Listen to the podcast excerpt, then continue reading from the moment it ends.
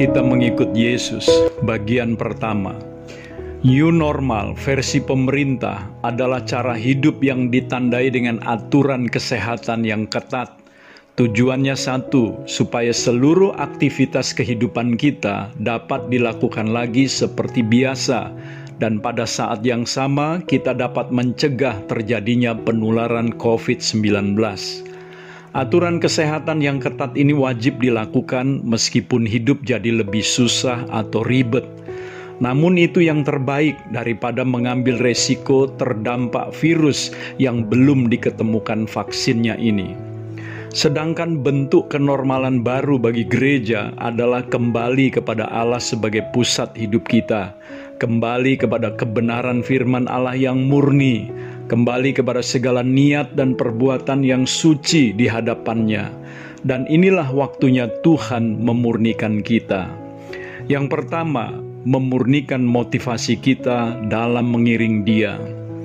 Saudaraku, berurusan dengan Tuhan selalu dimulai dari hati, bagian terdalam hidup kita yang tersembunyi dari mata manusia.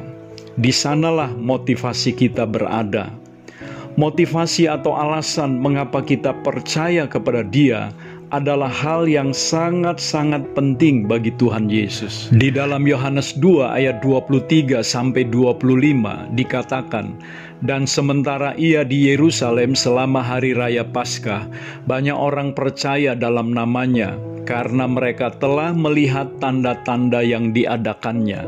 Tetapi Yesus sendiri tidak mempercayakan dirinya kepada mereka. Saya ulang bagian ini.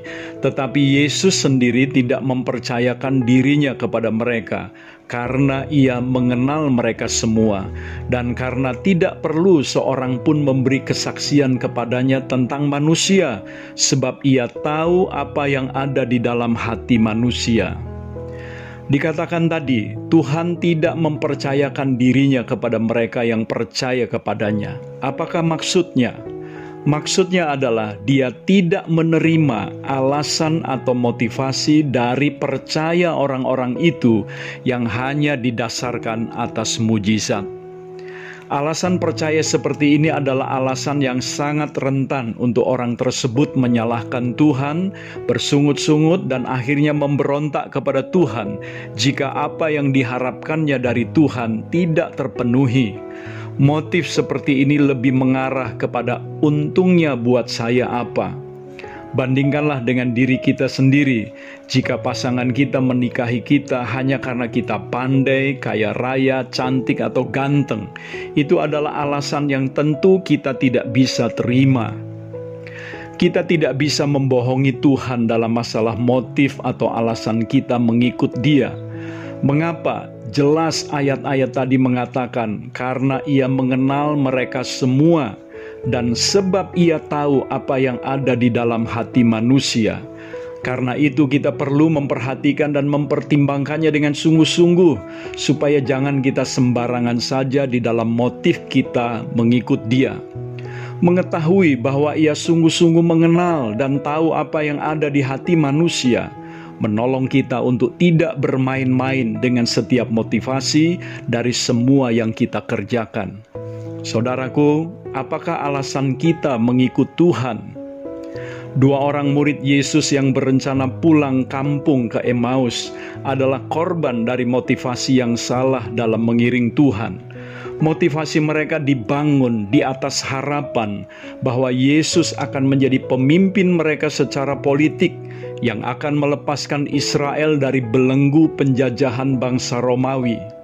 Harapan mereka menjadi hancur berkeping-keping ketika mereka melihat kenyataan bahwa Yesus telah mati di kayu salib. Alasan mereka mengikut Tuhan tidak sesuai dengan apa yang kitab suci perintahkan atau ajarkan. Mengapa kita mengikut Kristus? Apakah alasan kita mengikut Dia sudah benar sesuai firman-Nya? Tuliskanlah alasan saudara mengikut Tuhan dan cocokkanlah dengan firman-Nya. Saya percaya jika alasan kita benar di dalam mengikut Dia, kita akan menjadi orang percaya yang terus bertumbuh dalam kasih karunia dan pengenalan akan Tuhan kita Yesus Kristus. Saya Theo Barahama, Bring Heaven Home, Tuhan Yesus memberkati saudara.